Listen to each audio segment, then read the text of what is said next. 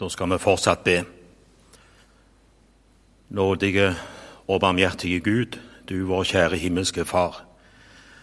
Vi takker enda en gang for at vi har fått samles her i vår Herre Jesu navn ved din gode Hellige Ånd. Og nå ber vi om at vi må få enda et møte med vår Herre Jesus Kristus i Ordet. Vi ber om hjelp til å få bevar, bli bevart i troen og i tilliten til at Han, din Sønn og vår Herre, er vår eneste redning og frelse. Så ber jeg om at ordet må få bli til velsignelse, og at vi må få kjenne at du, Herre Jesus, du er midt iblant dere med din nåde og fred.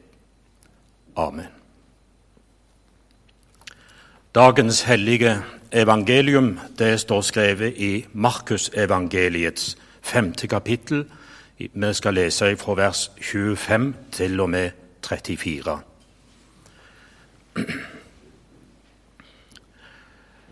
Der var også en kvinne som hadde hatt blødninger i tolv år. Hun hadde litt meget under mange leger.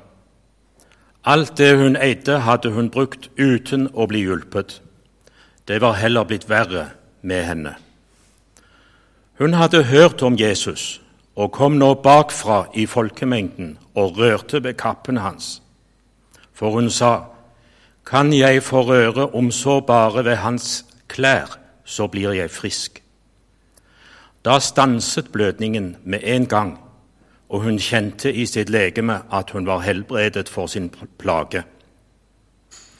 Straks merket Jesus på seg selv at en kraft gikk ut fra ham.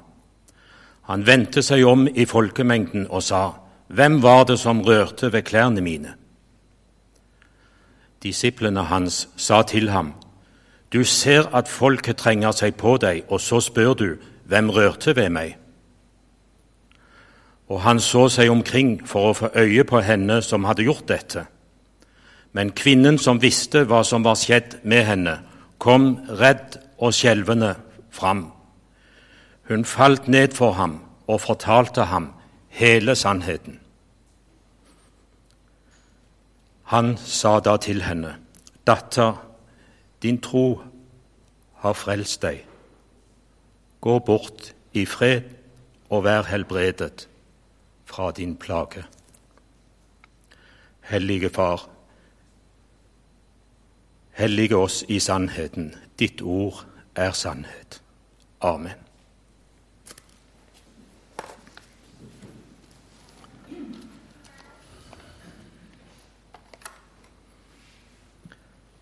pandemi,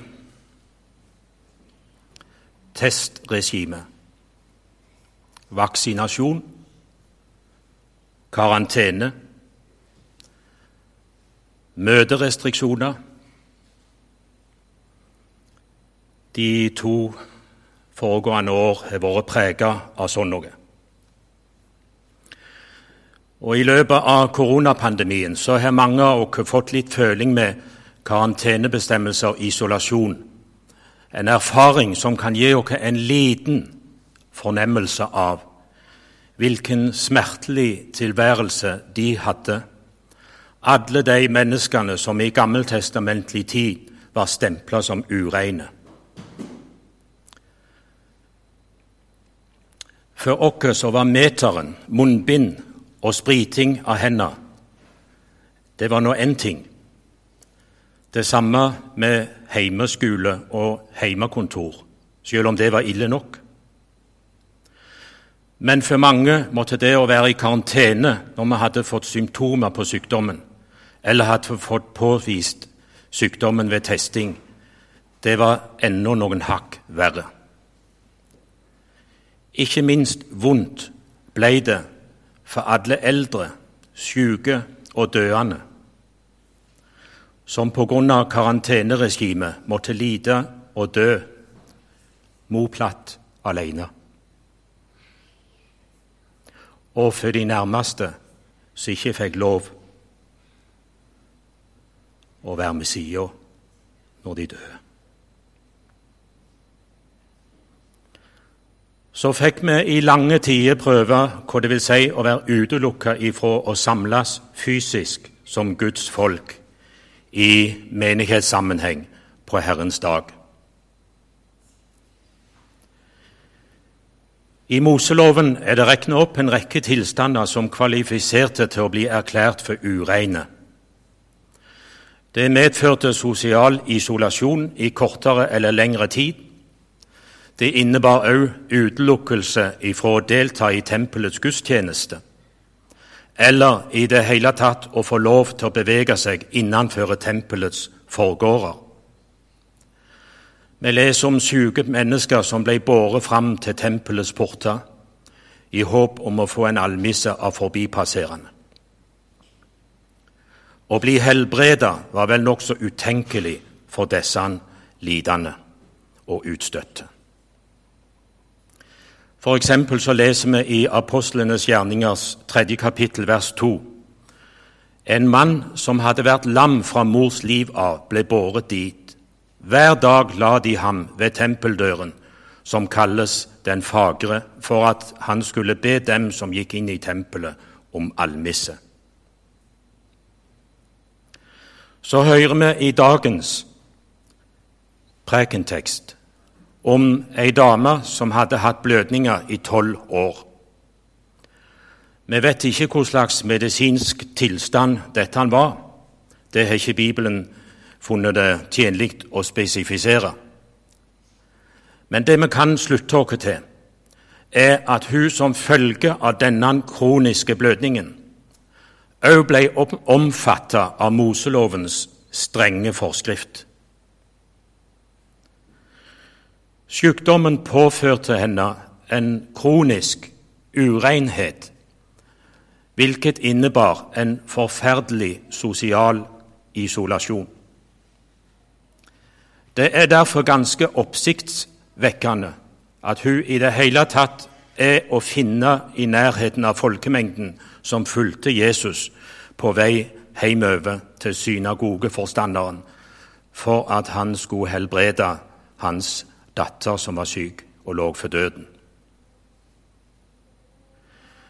Vi reagerte ganske negativt under koronapandemien hvis noen som oppholdt seg f.eks. i butikklokalene, drev og gikk rundt der og hosta uten munnbind.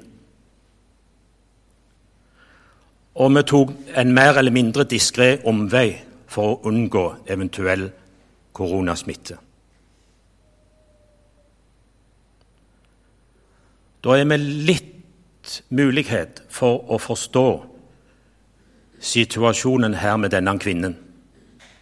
Hvis folk kjente henne og visste om hennes ureine status, så ville de reagert på lignende måte, bare med enda mer tydelig distanse. Folk ville automatisk holdt avstand til henne, som om hun hadde vært spedalsk. Avsky og nedrige blikk gjorde hennes lidelse komplett.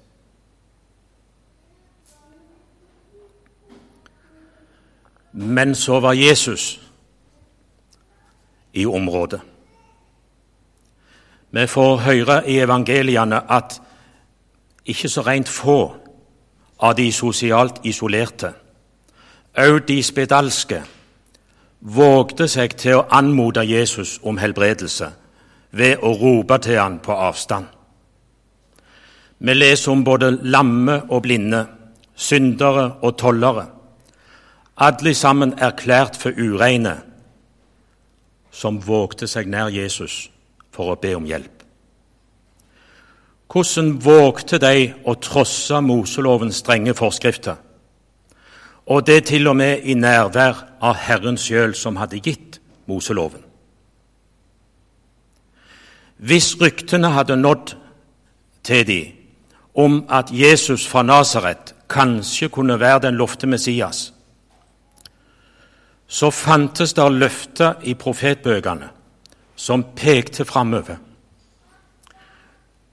pekte mot ei tid når òg, og ikke minst, disse ureine stakkarene skulle bli satt fri og få anledning til å komme nær til helligdommen i ånd og sannhet. Særlig kjent er bibelordet Jesus sjøl leste opp i synagogen i Nasaret. Vi siterer fra Jesaja 61, 1 og følgende. Herren, Herrens ånd er over meg, fordi Herren har salvet meg til å forkynne et budskap, et godt budskap for de fattige. Han har sendt meg til å forbinde dem som har et nedbrutt hjerte, til å utrope frihet for de fangne og frigjørelse for de bundne, til å utrope et nådens år fra Herren og en hevnens dag fra vår Gud, til å trøste alle.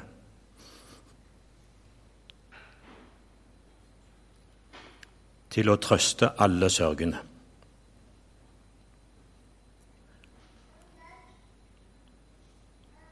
Så var det altså en kvinne der som hadde hatt blødninger i tolv år. Ei av disse fattige, bondene, fangne.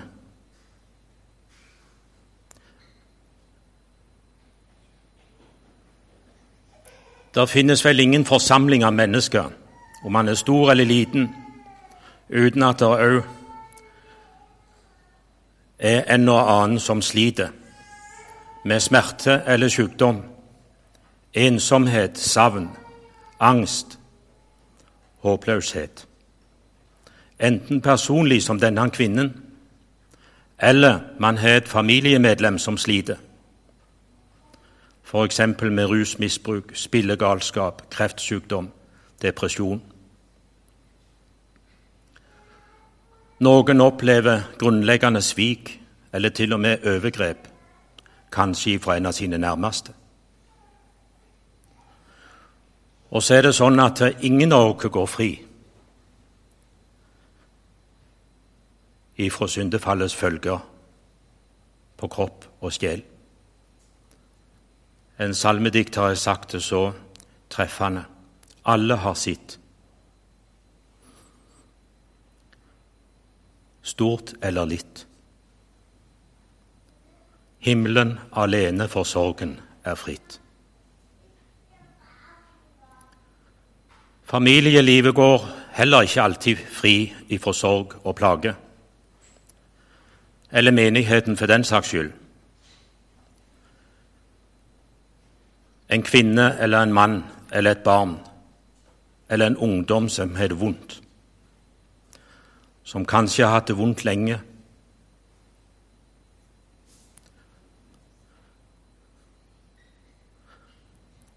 Som kanskje syns han har fått mer å bære enn han kan klare. Ofte bærer personen det i det skjulte for å holde på fasaden. Hun som vi møter her, hun har lidd meget, står det, under mange leger i hele tolv år. Det er lange tid. Legestanden på den tida var vel nærmest å sammenligne med kvakksalvere, som ikke hadde noe relevant kompetanse med det de holdt på med. Men de visste å ta seg betalt. De visste å sko seg på andres nød. Vi hører her at alt hun eide, hadde hun brukt på konsultasjoner og medisiner. Men i stedet for å bli hjulpet, var det heller blitt verre med henne. Så regna folk det som en selvfølge at sykdommen var selvforskyldt. Tenk det. På grunn av en synd hun hadde begått. Fortvilt motløs, utstøtt av synagogen.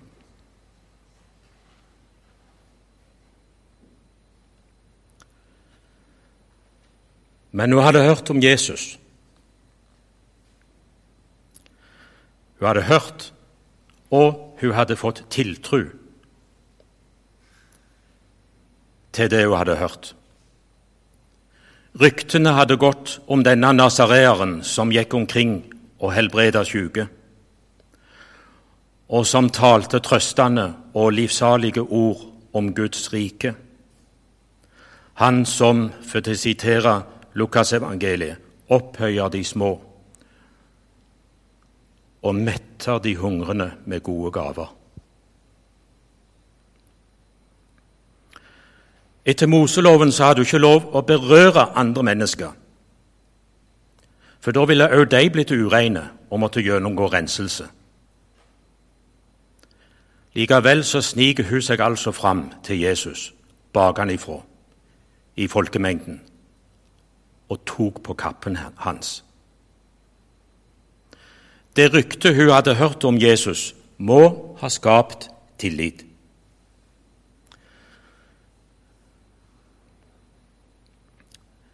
I barnelærdommen så lærte jeg utenat noen ord ifra Luther, der han sier at troen er en levende, urokkelig tillit til Guds nåde. En levende, virksom, driftig og mektig guddommelig gjerning i mennesker, som gjør at en bare må være nær og feste blikket på troens opphavsmann og fullender, Jesus Kristus. Enten personlig, som i dette tilfellet, eller i ordet, som det som gjelder for deg og meg nå, her vi er plassert i kirka. Og så får det bære eller briste. Kan jeg røre om så bare ved kanten av klærne hans, så blir jeg helbredet. I Matteusevangeliet leser vi at hun rørte ved en av de fire minneduskene som var sydd fast nederst på kappen som Jesus bar. Hun har nok visst at disse duskene skulle minne om alle Herrens bud, og at hun sjøl var forplikta til å være hellig for Herren. Òg i forhold til det budet som omtaler blødninger og urenhet.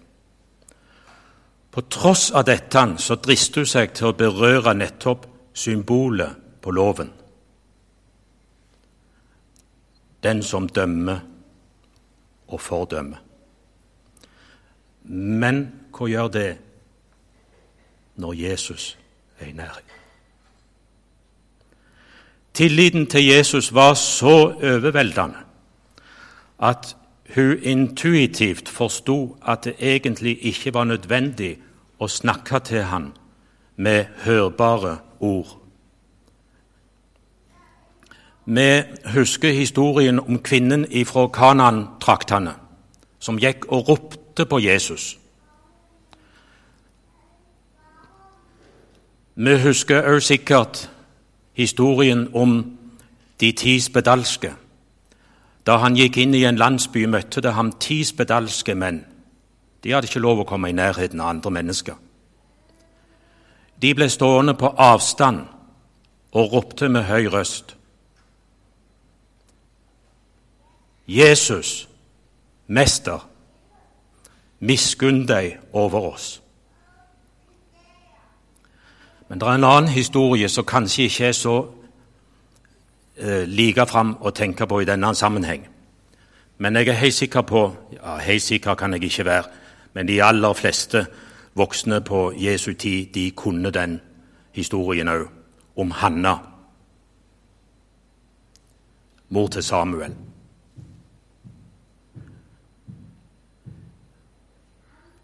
Hvis vi forutsetter at denne kvinnen her med blødninger hadde, um, hadde hørt historien om Hanna, så visste hun at Herren òg hører og bønnhører den som utøser sitt begjær for Herren i tankene.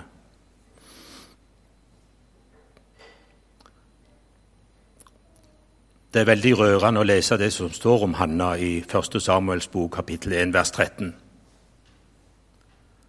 Det var i sitt hjerte Hanna ba. Hun rørte bare leppene, men stemmen hørtes ikke. Og så er det blitt sagt at det, hjertes, det knuste hjertes inderlige sukk er for Herren som et sterkt skrik. Hanna fikk høre et forløsende ord av Herren gjennom presten Eli. Gå bort i fred. Israels Gud skal gi deg det du har bedt ham om.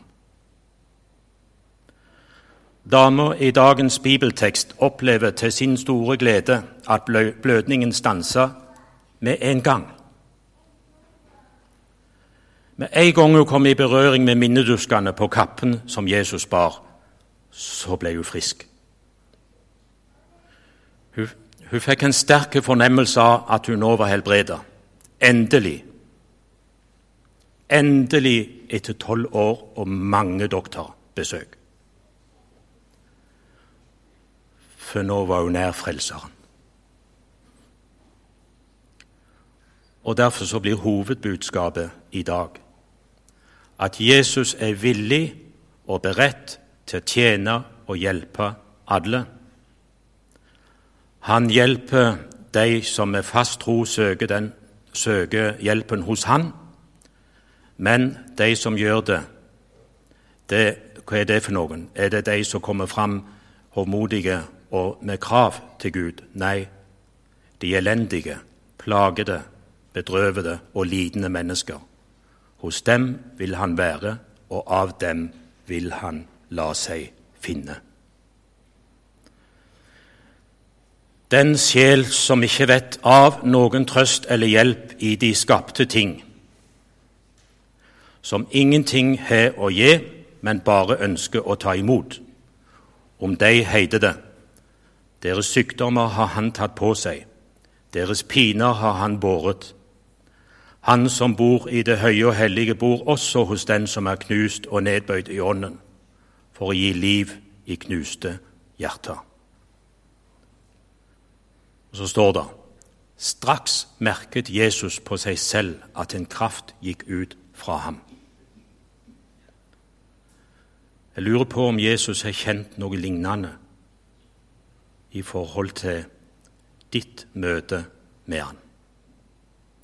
At en kraft går ut ifra den korsfestede og oppstand. Og ikke nok med at han ville helbrede denne, denne sjuke dama. Han vil også undervise og oppdra de som står rundt. Så bruker han denne helbredelsen som utgangspunkt til å undervise om at han har makt til å gi både helse og frelse. Og nå underviser han oss om det samme. Han henvender seg til folkemengden og sier, 'Hvem var det som rørte ved klærne mine?' Disiplene tok ikke spørsmålet.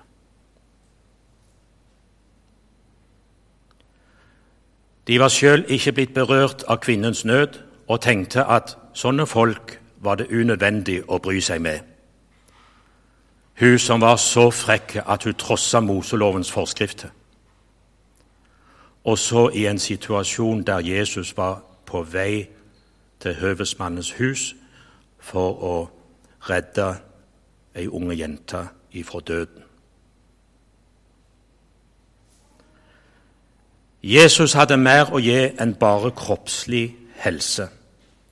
Frelse for en fortapt sjel var for han første prioritet. Og Derfor så han seg om for å få øye på hun som hadde gjort dette. For han visste at hun kunne trenge et ord til trøst og oppmuntring og til bekreftelse. Så ser hun at han snur seg. Nå får jeg vel skjenn. Sånn er det den vantro tenker i møte med Gud. Gå bort fra meg, for jeg er en syndig mann. Nei, sånn er det ikke med den virkelig hjelpeløse. I stedet for å trekke seg rett og skjelvende bort, så kommer hun fram, faller ned før Jesus, og bortforklare sånn som vi pleier å gjøre. Pynte på sin egen livshistorie. Nei, hun fortalte ham hele sannheten. Nå fikk det bære eller briste. Hun hadde hørt at han var synderes venn.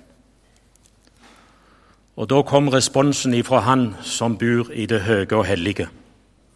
Et forløsende ord som omfatter både helse og frelse. Datter, din tro har frelst deg. Gå bort i fred og vær helbredet fra din plage. Så går vi et par tusen år fram i tid. Her vi sitter nå. De fleste av oss er stinne av kunnskap om Jesus Kristus. Spørsmålet er kjenner vi han? Har ryktet om Jesus fått berøre sjelen? Evangeliet har et budskap òg til oss moderne og opplyste syndere. Det starter i Det gamle testamentets profesier. Det fullendes i Det nye testamentets evangelium. Den store sannheten at Jesus er Kristus, og at han er veien, livet og sannheten til frelse for hver den som tror. I vår digitale og oppjagte verden så lokkes vi til å tro at veien til et bedre liv her nede er det viktigste. Det moderne mennesket fristes til å bruke hele sin formue på kroppens behov. Bibelske begrep som miskunnhet, barmhjertighet, glede i Herren, et levende håp, rettferdighet Det er blitt fremmede ord i vår kultur. Vi orker ikke undervise de, den oppvoksende slekt nå lenger om sånne vanskelige ord.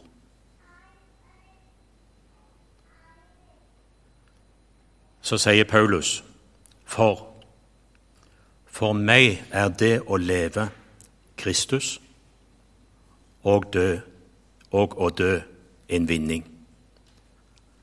Med det utsagnet tror jeg at han mente å være til inspirasjon og forbilde for de mange troende som skulle komme til å lese brevet hans.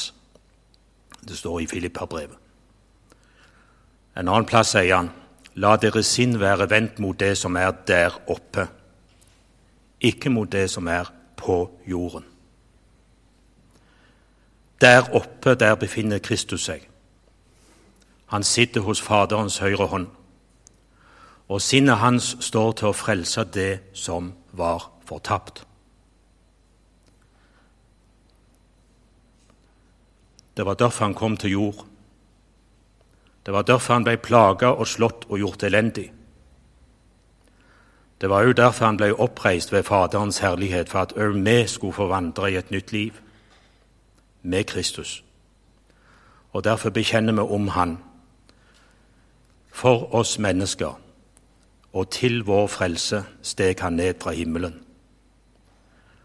Og ved Den hellige ånd og av jomfru Maria ble han menneske av kjøtt og blod. Han ble korsfestet for oss under Pontius Pilatus, led og ble begravet, oppsto den tredje dag etter Skriftene og for opp til himmelen. Sitter ved Faderens høyre hånd, skal komme igjen i herlighet for å dømme levende og døde og hans rike skal være uten ende. Så gjelder det altså om å være rede til å være sammen med Frelseren i himmelens evige land. Ære være Faderen og Sønnen og Den hellige ånd, som var, er og være skal, en sann Gud, høylovet i evighet. Amen.